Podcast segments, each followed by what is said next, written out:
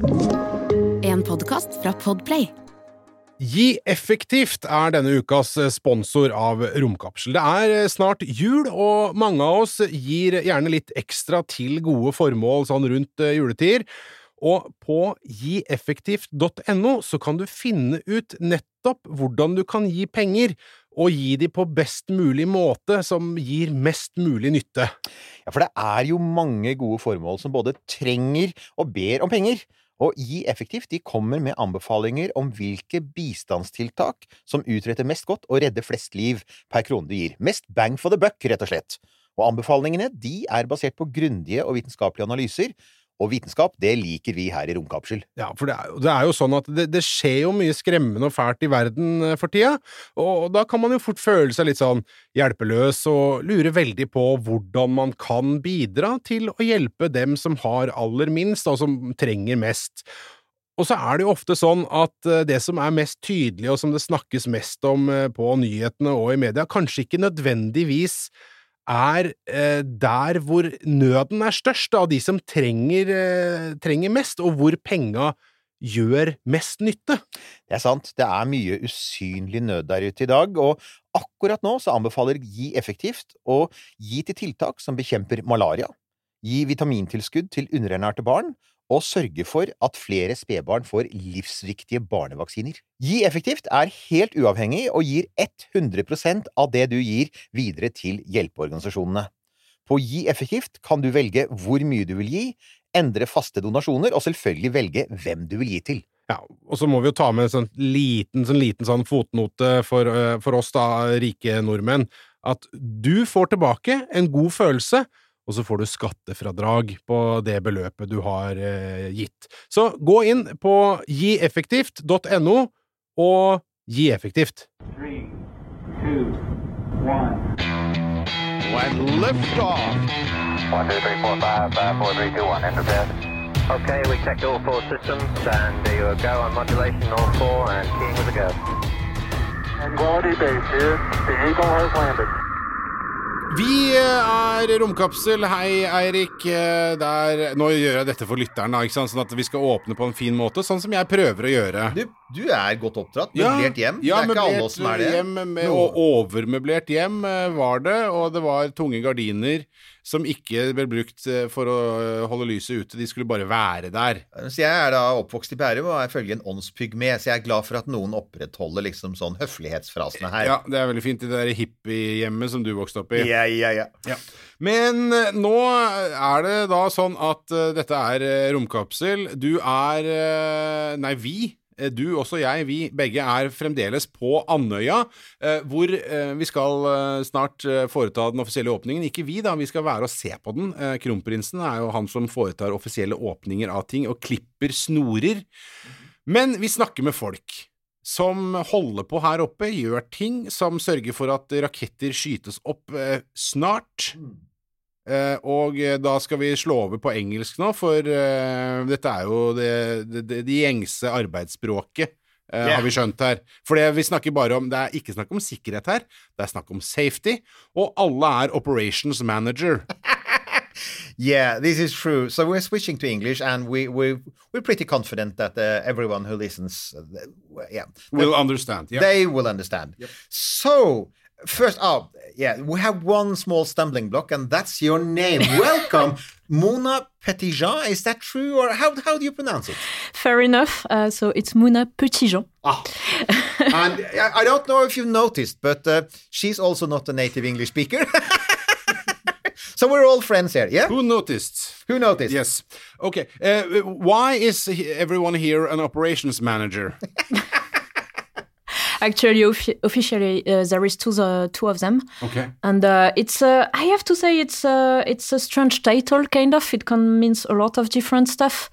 Um, the idea with operation manager is uh, we're the one in charge to making sure uh, every process needed for the operation are already checked in place and everything. So yeah, it's uh, it's kind of a buzz title, but uh, that's the idea with it. Yeah, it looks good on the business card.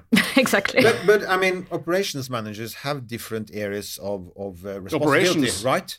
So so the previous managers we they have been covering managers. one part of because a, a space launch, we now have learned, is a big, complex thing with a lot of people, a lot of tasks, a lot of stuff has to happen in sort of the right order. Uh, and so, so what is your sort of special area of responsibility uh, here at Andøya? My area of responsibility is really related to the actual operations. So, for example, Soph and my colleague are more taking care of kind of the paperwork, Yeah. but I'm not a huge fan of this. so, I'm more preparing the operational phase. So, for example, uh, I make sure with the team that we are trained enough in the launch control center, that uh, we are used to talk on the voice system, that uh, we are we are used to be comfortable with um, how to say time management in operation because it's obviously something uh, really important and um, yeah it's more about the actual operation uh, situation uh, that I So work. you will be sort of what I mean. You will be sort of very busy on the day that this actually happens, right? So when something, when the rocket finally goes up. Uh, what, what, yeah, uh, but that's actually a question, isn't it? I mean, what will you be doing on that day? We- We don't know exactly when it's going to happen. Do you know? Uh, Do we, you know? we ask everyone. Do you know? Do you know? I know more than you but yeah, you do. Right. We've heard that as well. That's so annoying. No, that's that's the fir- you're the first person that's actually said that in those words. and in not the condescending way. That's Yeah, good. yeah, yeah. Uh, also, yeah, we've also been, been told that you might sort of just try to pull, uh, just, just try to talk to someone from Isar Aerospace who will be here and we will see tomorrow. So we'll try again. Then when is it happening? But anyway, when it's happening, uh, what will you be doing on that day? I mean, could you sort of describe what your what simply what your work will be on that day? yeah sure so that's a funny question because as an operation manager nothing Okay, interview over. nice. oh, thank you so much for coming. And, uh, have a good day. No, so, so, so this is all in preparation then. Yeah, the idea is if I if I did my job well, everything will be ready for the launch. So if I did my job well, I have nothing to do on the day of the launch. But I have a second responsibility, and uh, it's an operational responsibility, and uh, I'm uh, I'm the responsible of everything related to meteorology. So then on the day of the launch, I will be taking care of uh, monitoring the forecast service, monitoring our local uh, weather. Um, system and so on but this is two different uh, yeah, but, but but it still is it's mission critical, right? Because you want mean, to launch in good yeah. weather, and and as we've pr- learned previously, I mean, rockets look very sort of very solid and powerful, but they are actually very vulnerable to weather, right? Yeah, yeah, they are vulnerable to weather. Uh, mainly, we have two risks. Uh, it's lightning. So in this area, there is not a lot of risk of lightning, but we still have to check for this. Sometimes you have winter lightning in Norway, so yeah, it's just sort It of, can yeah, happen, yeah. And the second is obviously the wind. So, like you said, uh, rockets are pretty powerful engines. So, if there is wind, they can kind of correct uh, their uh, their trajectory, and the, they have some guidance. But it has its limits, of course. Yeah. So, in case of very very strong winds, it's possible that we have to delay. And uh, also, uh, one thing that we we have to ask early on, and let's do it now, is how did you end up in this field of work? yeah. Um, well, that's quite a story. Uh, at the beginning, uh, I uh, I'm uh, I had a baccalaureate in literature and uh, I made my study in geography. So nothing was. Uh, Literature and geography. That's an interesting combination. yeah, and uh, I had uh, I, I had this teacher uh, of uh, astrophysics, and uh, I was thinking it's absolutely fascinating what he's saying. So I kind of uh, went to see him after class and say, "Okay, I want to work in space area. How can I do?" And he say, "Well, um, so it was 15 years ago, you know. Uh, so he said, "Well, you have to be smart because geography it's obviously not the good way to do it, but our satellites they are getting better and better every year, and um, the imagery." made with satellite are getting better. So, as a geographer, you know cartography. So, you should uh, think about that. So, what I did is I specialized in remote sensing, so satellite data uh, treatments. And uh, I did a lot of atmospheric science, and uh, that was kind of my path to, to space. But it's definitely not typical uh, typical courses.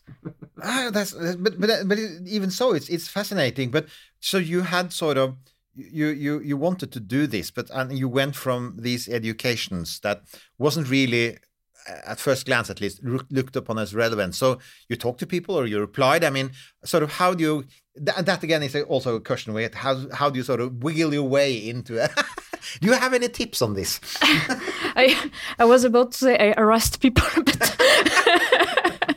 Yeah, I mean, uh, I I know, I knew I. I didn't have the perfect courses, so what I did during my study is multiplying internship. Like I knock at the door, please, can I come to make an internship, even if it's like two weeks, even if it's for doing photocopy. I don't care. I just want to make an internship, and uh, it's it's you know it's a small area space, so you get to know people, and if they are happy with you, uh, they will give you your chance, and it's exactly my story.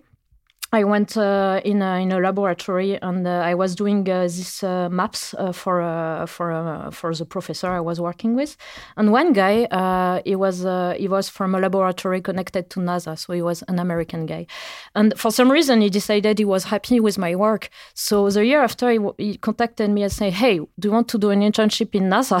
And I was, well, uh, I don't know. I have better stuff to Do you think about this? The food in America is horrible. I know.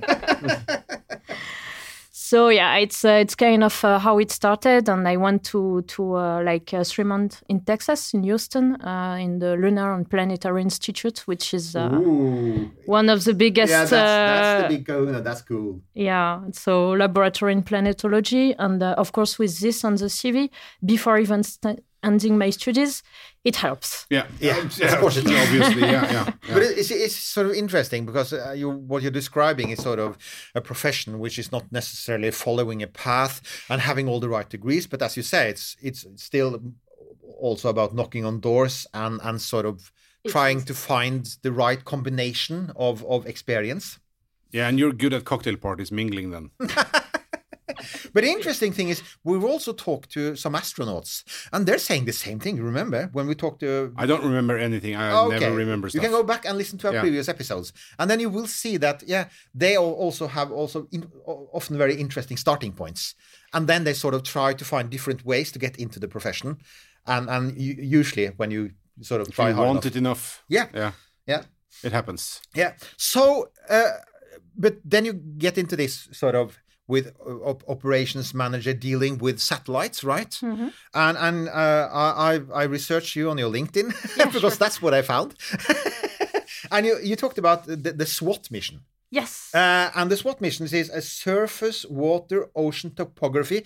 And I have to say, uh, I regret to say, we haven't talked about it. I think it's it's it's still on, right? The mission, oh yes. Uh, and it's, an uh, important mission, isn't it? What what kind of mission is it? So just to, so the listeners know. Yeah, so it's a very cool uh, scientific mission. Uh, it was launched in December 2022, so like uh, less than one year ago. Yeah. And um, so hopefully, yes, it's still working. and uh, the idea it's um, radar, so it's uh, built in partnership with uh, JPL NASA. They made uh, the the scientific instrument, and France made uh, all the platform, uh, so all the rest of the satellite, to make it simple.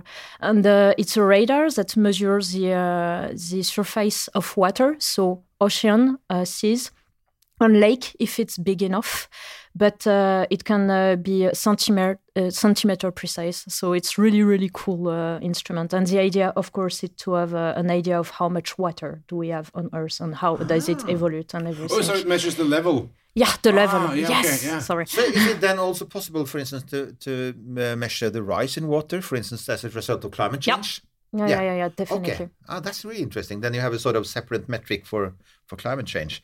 Um, but what was your role on this satellite? Yeah, so I was uh, part of a team called Flight Control Team. So a more fancy way to say it is was the one piloting the satellite. Um, the idea is before the launch, our job is to prepare what we call the flight control procedure. So it's what you send to the satellite to say it to it. I don't know, move your solar panel, turn off this instrument, change your orbit, stuff like that. It's really the how do we telecommand the satellite. And uh, so we are preparing all this uh, process, making sure it was working the way it's supposed to. Spoiler, it's never. So- Okay. it's a complicated machine. So yeah, we, we had to see if everything was working. Then we we prepare all the operation. Uh, how to say uh, all the operation phase. So how do we do uh, the first phase of the mission? How do we do some this some specific operation and so on? Uh, and then, of course, when it was launched, we had to deploy the satellite, turn it off, turn it on, and uh, make sure everything uh, was fine. And then you monitor. You monitor. 1202. Th- That's interesting because when you think about satellites, you think, well, I mean, they run themselves, right? They're sort of they're autonomous, they're in space, and they are pre-programmed, and they just take pictures and they send it down to the ground, and we receive them, and that's data. But what you're saying is that at least some of these satellites actually need sort of a team of babysitters, right? Sort of Oh, yeah. making sure that they are functioning and Yeah, yeah, they are big babies, like you said. Um, so the idea is the first thing you have to monitor is collision alerts, but uh, this is a quite a big story. Uh, Oh, come on! This is a podcast. So collision alerts. I've, uh, is, this, is this when you sort of have space debris and stuff Exactly, exactly. So it can be debris that are just uh, in space and that are, of course, uh, checked by a different uh, different space agency. It can be, for example, uh, I, I know the American have a pretty good uh, base uh, on this, but there is other uh, checking for this. But it can also be other satellites. Um, so basically, when it's two satellites, it's more or less uh, one uh, space agency calling another space agency, and then the fight starts. Oh, who is moving? yeah, who is moving? They're playing chicken. Oh yeah, because the idea is when you have a satellite, uh, if it's not failing, what will determine how long it will last is uh, how much you will move it. Because to move it, you will have to use gas to actually move from an orbit to another. So when you have no more gas, it's over. So if you have too many collision alerts and you're the one who's always moving, Yeah. your satellite's lifespan will be shortened. Is that- Exactly. and these satellites, are, we, we we won't go into that, but satellites like this, I, I think I, usually they're quite expensive, right? Yes. And you don't launch them every day. So, oh, that's interesting. Yeah. So how do you resolve this thing you talk about when they sort of... Uh, So, uh, as uh, someone from flight control team, I obviously do not decide that. Uh, it's more uh, another team called the flight dynamic system. So it's the one check um, making sure the satellite is moving. I maybe I do not uh, go too much into details, but how do you decide? Well, you call, uh, you see what happened. Uh, there is some agencies that are famous for not moving. um, no names mentioned, but you, we leave it up to you to guess, listeners. Yep, yep. And um, yeah, and also there is a lot of discussion. So obviously, if the satellite is brand new, the reaction will be not the same than if it's something a bit old that will be finished in not uh, so much time and so on. That, uh, that's that's so that's fascinating.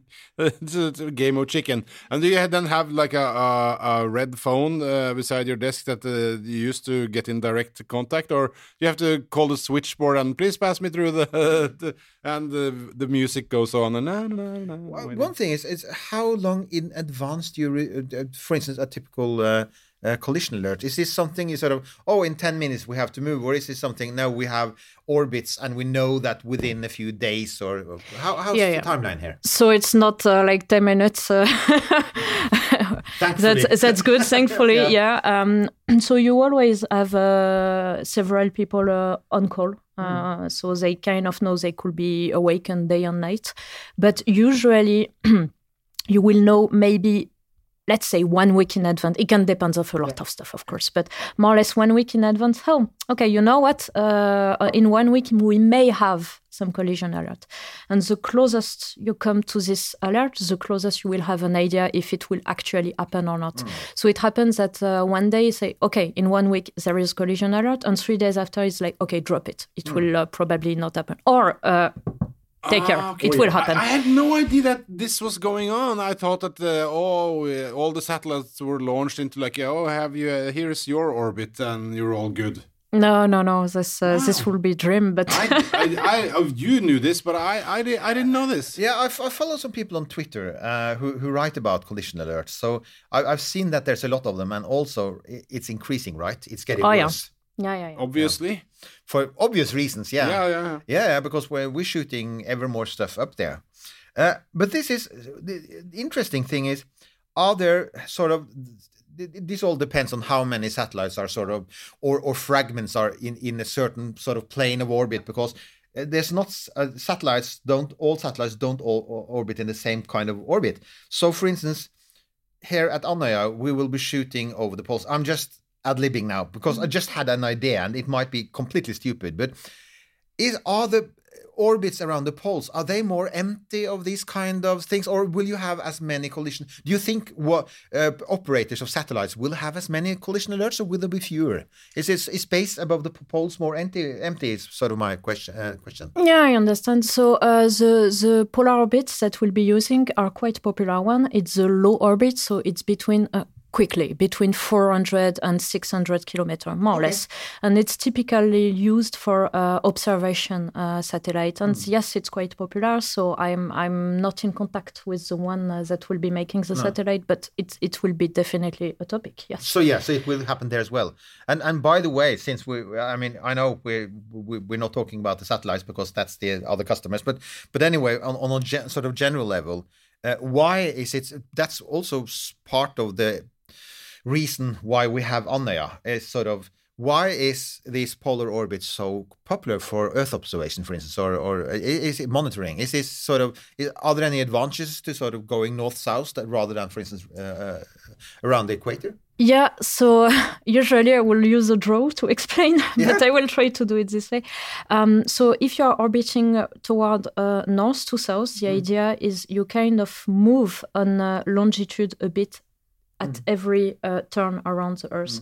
So this way you can cover all the surface. al- Almost all the surface of the Earth. So it's very popular if you need to make Earth observation because it will allow you to, to make Earth observation. Another orbit, quite popular as well, is uh, uh, orbit. So it's just if you remember, I said between 400 and 600 kilometers. Geosynchronous are like uh, 36,000 kilometers. So it's something very, very different. And they are more uh, rotating at the same speed of the Earth. So the idea is uh, they stay always at the same point on the surface. I hope I I was clear enough. and uh, so this will be typically used for meteorology um, and also for telecommunication and stuff like that. So it's just different used. Yeah. So, so the, ba- basically, uh, this is a popular orbit. The polar orbit is popular. Oh, yeah. And and and uh, I mean, if uh, Andøya is able to sh- to launch enough rockets, they will have customers. Oh yeah, we have no doubt. Yeah.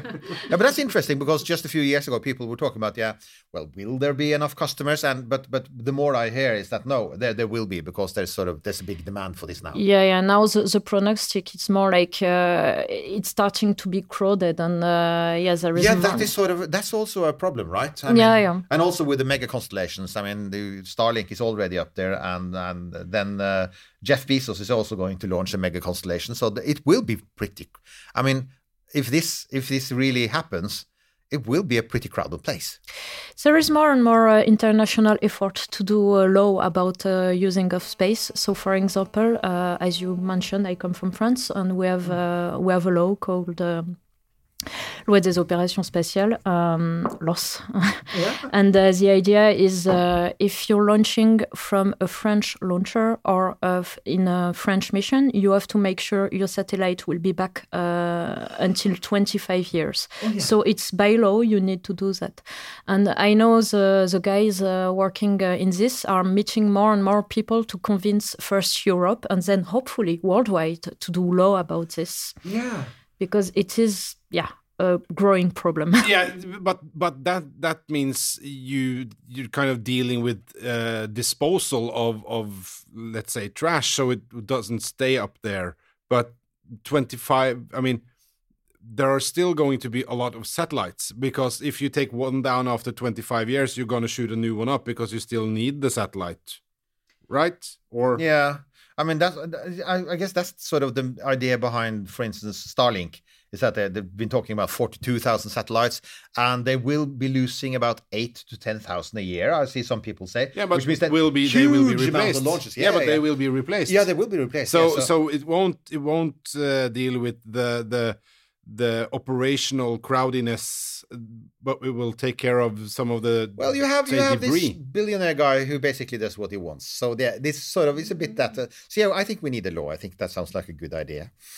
Uh, anyway, but so so you you did this, and then you applied for a job here. Was that was that how it happened, or did somebody tip you off, or what happened? No, no, I really wanted to come here. Uh, the idea is uh, I loved uh, my work uh, in the control center uh, of CNES, um, but uh, I, I've for some reason I cannot explain, but I've always been a bit obsessed by polar region.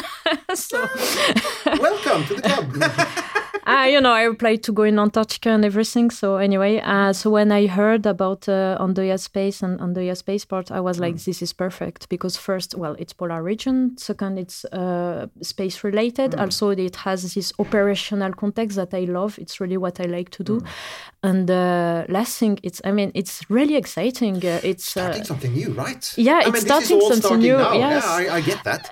I mean, uh, it will be uh, it will be hopefully the the first uh, launch from European continent. This is so exciting. Uh, I mean, uh, so yes, I I applied and I was very lucky. So here I am. Yeah. Uh, uh, we talked a bit. Uh, I mean, I, I, I mailed you some questions, and one of the things we end up you ended up mentioning was this um, launch and early orbit phase. Exactly. Yeah, and and that's what what's what's that? What we, we, we talk about that, that's also another term we just need to explain. Yeah. Yeah, sure. So uh, we we called it uh, by this short name LEOP because it's easier. so let's Of course, this. it's an acronym. It's an acronym, Yes, yeah. We have a thing about acronym in our podcast. We we love the especially the acronyms, but it's it's very obvious that the the people behind it they have been out in a bar and drinking beer, and then they sort of say, "Hey, this is this is a good acronym." So, Juice, I'm looking at you. So LEOP is like I mean the, the title uh, describe it pretty well. The idea is uh, it's the, the phase between uh, when the rocket release the satellite Yeah. to the phase where uh, the satellite is actually working on mission and everything is fine. So it depends. Some satellite it took few hours. Some satellites uh, it takes uh, ten days, like for SWOT, and some satellites uh, for the James Webb Telescope, I think it was thirty days or something like that. Yeah, that's true. Yeah. They had a really long. Nor uh, nerve wracking stuff. Ah, it was nerve wracking. um, Yeah, we, we had one of the scientists who who, who works on on antenna. Yeah, you were yeah. lucky. Yeah. N- nail biter. Yeah. So yeah, it's really uh, so the idea. Your first mission is to deploy the solar panel. This is like the main thing you need to do, uh, because when that is done, it means you have energy, so you have time. So it's it's if that is done. Already, you can kind of uh, breathe uh, again. So this is the first step, and then more or less you kind of uh, turn it on and off every instrument to make sure it works. And then slowly, uh, you're kind of uh, putting the instrument in the state you want. So it will be arranging the solar panel you want. It will be uh, maybe move the satellite a bit to have the correct orbit. It will be just uh, adjust the parameters, uh, maybe adjust the threshold of alert and stuff like that. Like you, you're just starting the mission, making sure everything works. And and I mean, uh, uh, I think it- Isar is.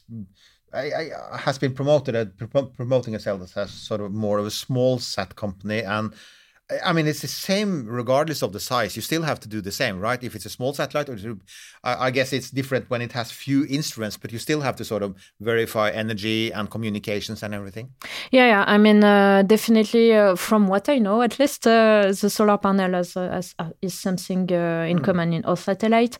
Then, depending on your satellite, uh, for example, telecommunication satellites, they are using uh, a lot on a lot of this. So it's each time more or less the same model. So you can have a lot of automatization. But um, the more uh, innovative is your instrument, the more you have to, you know, take it slowly. Yeah. But uh, then, uh, if it's a well-known uh, technology, maybe it can be a bit more automatic. But it, it varies so much between mission. it has to be uh, like a horrible, horrible, horrible feeling uh, in this phase where you say, we have to start to get power, release the solar panels, tune them, and no. Yeah, yeah. I mean, and then you're dead in the water. Yeah, yeah. I mean, uh, I I heard stories, you know.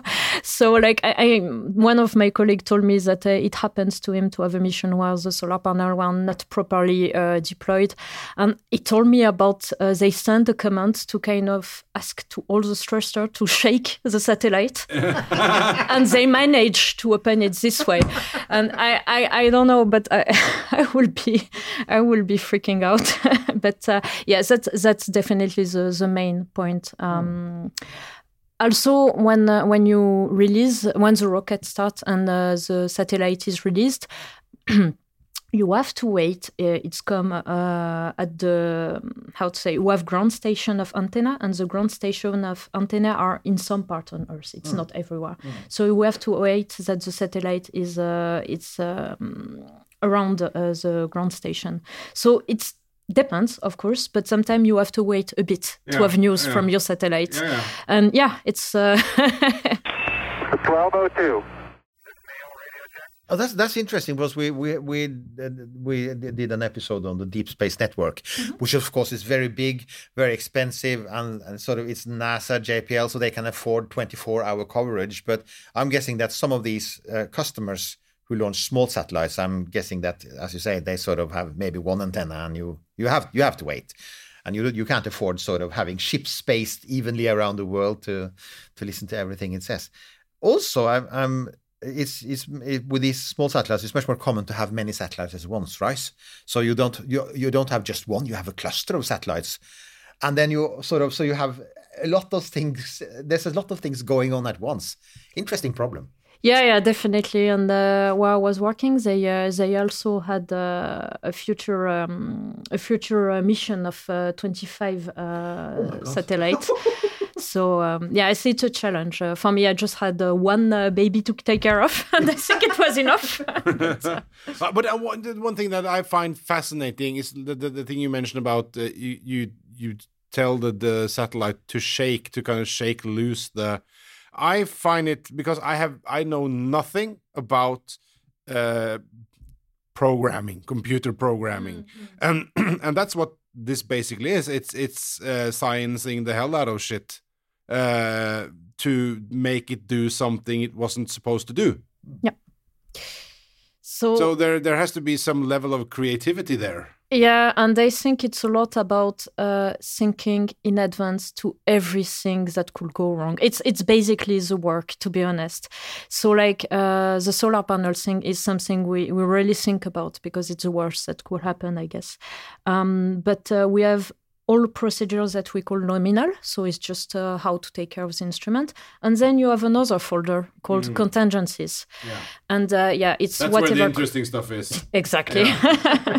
so whatever could be wrong, we, we are trying to think about the scenario in advance. And but of course, sometimes we do not think about everything. So you have to be improvising. Yeah, yeah, but, but that if you translate that way of thinking to your job here, uh, to kind of think about all the things that can go wrong and to to develop procedures to handle those things, uh, you get kind of anxious?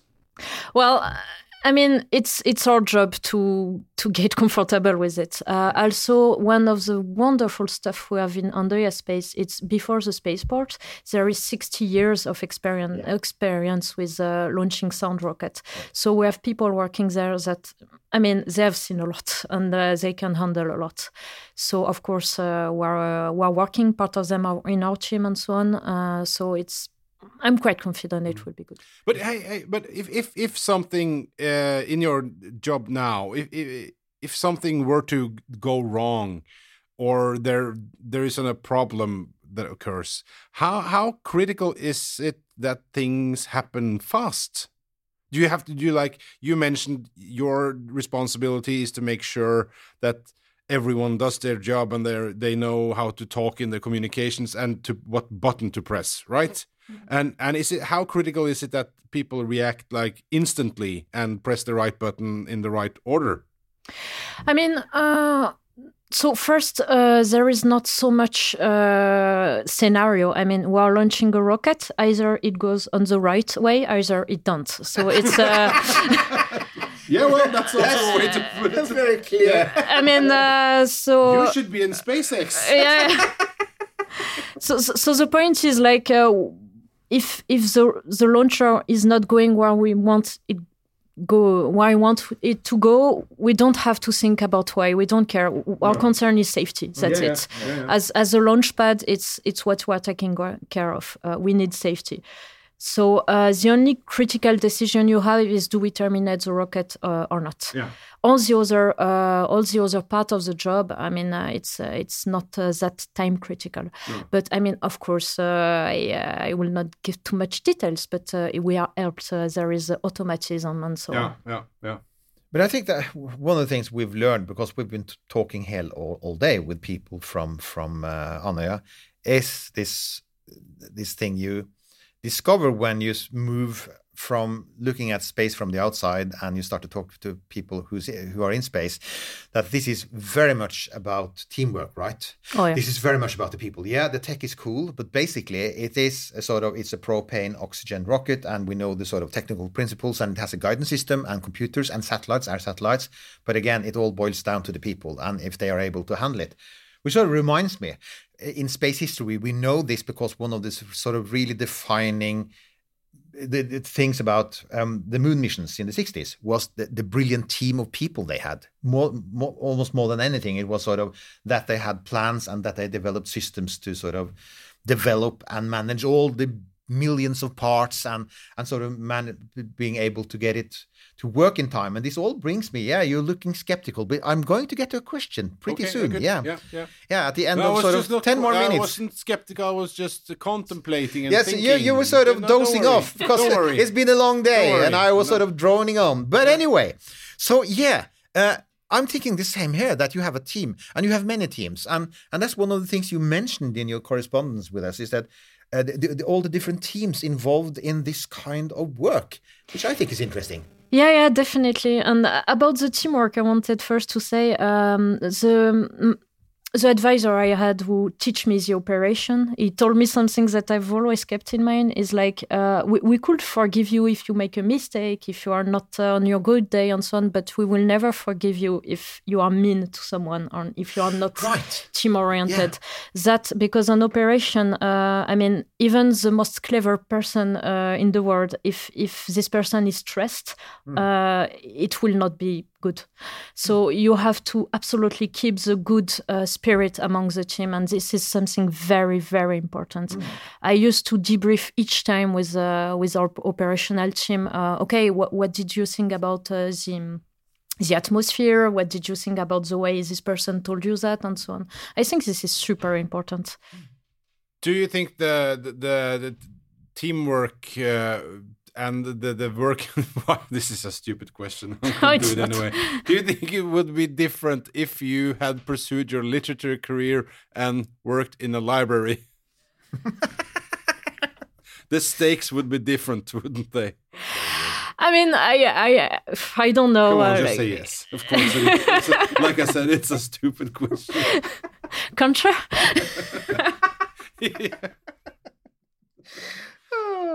The stakes are different. Uh, lib librarians and people. I know many librarians. rockets. They're great people. And I was Oh, yes. not saying that they weren't. yeah. I was not Yeah. saying they weren't. You don't, you don't want, or we have actually some really hardcore librarian fans, and they they are now, right now, Now they're, they they're hate me. typing in a Facebook comment I- and saying, I'm- "What has I'm Nils Johan sorry. against?" Uh, yeah, so, was but- not I did not mean to uh, uh, Kjære bibliotekarer, det Yeah. var ikke vondt ment He's now i det hele tatt. ma- now making a deep, deep apology. Very good. Okay, moving on. But but it's it, but but again, it's sort of yeah, different kinds of work. The stakes are different. Uh, one thing I'm sort of interested in, and you were, uh, of, yes, you did mention it, is that there are different ways of thinking and working in different countries. Like, uh, and and I've, I've, I mean, in my regular work, I talk, I, I give lectures, and I talk about uh, a lot to to to, to businesses. And yeah, uh, there's a very sort of, sort of clear idea in Norway, for instance, that management and teamwork can be different from, for instance, in many European countries, right? And do you have any experience with that? That sort of, uh, for instance, informality. That's one thing that we sort of pride ourselves on in Norway. That's sort of we say that yeah we're more equal, or at least we seem more equal, and we're more on a casual basis. What do you think about it when you you, you have It's very interesting. So um, I arrived in Norway in March, so more or less six months ago, and uh, I, I mean, of course, I saw differences. Um, one thing, I mean, the first thing that uh, really was a bit obvious is. Uh, here, people uh, tend to give you the change more easily. Like you said, there is a very horizontal uh, way of uh, thinking. So I can really yes in a meeting say oh that's my uh, point of view and people will really listen uh, i will say in france it's a bit more uh, based on hierarchy of course you can talk but uh, yes it's it's it's a bit harder to to to kind of uh, yeah uh, transcend the Yeah, yeah. hierarchy. Will it be will it be considered rude for me to speak in this meeting? yeah But, but there are many, many. I mean, space has a lot of big, complex organizations, and and also American organizations have been criticized for the same thing of a very hier- hierarchical structure. The classic case is actually the space shuttle Challenger, which basically blew up because they had this incredibly strict chain of command, where you sort of had the boss at the top who really made a horrible decision, and nobody at the and, and even though and people hardly dared to speak out, they did some changes in NASA to make it better. But I'm thinking that the sort of that's the sort of management thinking that I think would be much harder here, and and that's so. So I, I just found it interesting that we're sort of starting. We're not just sta- uh, starting a new chapter in Norwegian space policy as, you, as as- or space practice. With we have been doing it for 61 years, but it's also sort of maybe it's maybe a bit different way of doing space. Who, who knows? Yeah, yeah. And that's interesting. So right. And also, one thing I can uh, have in mind is uh, how to say in in France. Uh, so a foreign will say we are more rude, maybe, but what we say in France is like uh, we are criticized spirit. So like uh, if we do not agree, we say I do not agree, and uh, we can be pretty tough about this.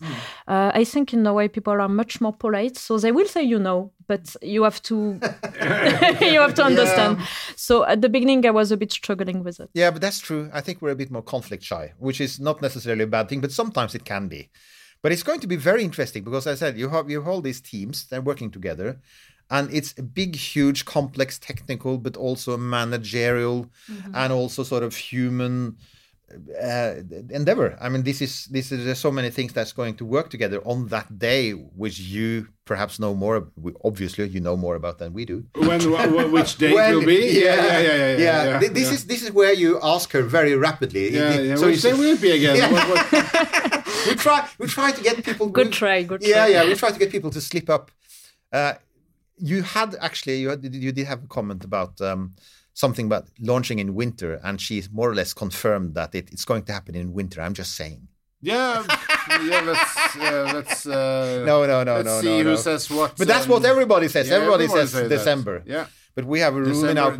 no, It never happens. When you say December in space, it's always at least January, February, Yeah, right? Yeah. But anyway, this was very interesting. Yeah. So thank you so much for for for taking part in our podcast, and and we of course we're so looking forward to this first launch. And Whenever we- it will be. yeah. So do And- I. yeah, yeah. And on that day, you will do nothing. Oh, you will watch the the, the meteorology. Exactly. Yes, you yeah. will. Yeah, and that's that's a really. I mean, this place has weather, right? That's you- Yes. you've already discovered it. That's that's sort of. I, I'm sort of that now. I'm basically down to this is this is so exciting, and I think they have a really good opportunity here. But then that that's that weather. But on the other hand. I'm sort of I'm a bit gun shy after having been like you stranded by weather yesterday. Here it comes again. Yeah, I had one last gripe about the snow in Oslo. Okay, that's Ok, da er Eirik gått uh, full siste rant for en stund. Vi får se. Ja, Full mye. sirkel der på været. Uh, Dette har vært Romkapsel, en episode på utenlandsk. Et språk jeg er ganske sikker på at du mestrer, Kjelle. Å jo, men altså, du, du skal få en siste. Du kan takke av vår gjest på å si navnet hennes ordentlig. Oh, uh, eh, Mona Petitjean. Petitjean. Well done. Yeah, Was that right? Was it right? Okay, good. you did Yeah. it better than me. Yay! Happy, yeah. Thank you very much for, for coming here You're today. welcome. Thank you. Du har hørt en podkast fra Podplay. En enklere måte å høre podkast på. Last ned appen Podplay, eller se podplay.no.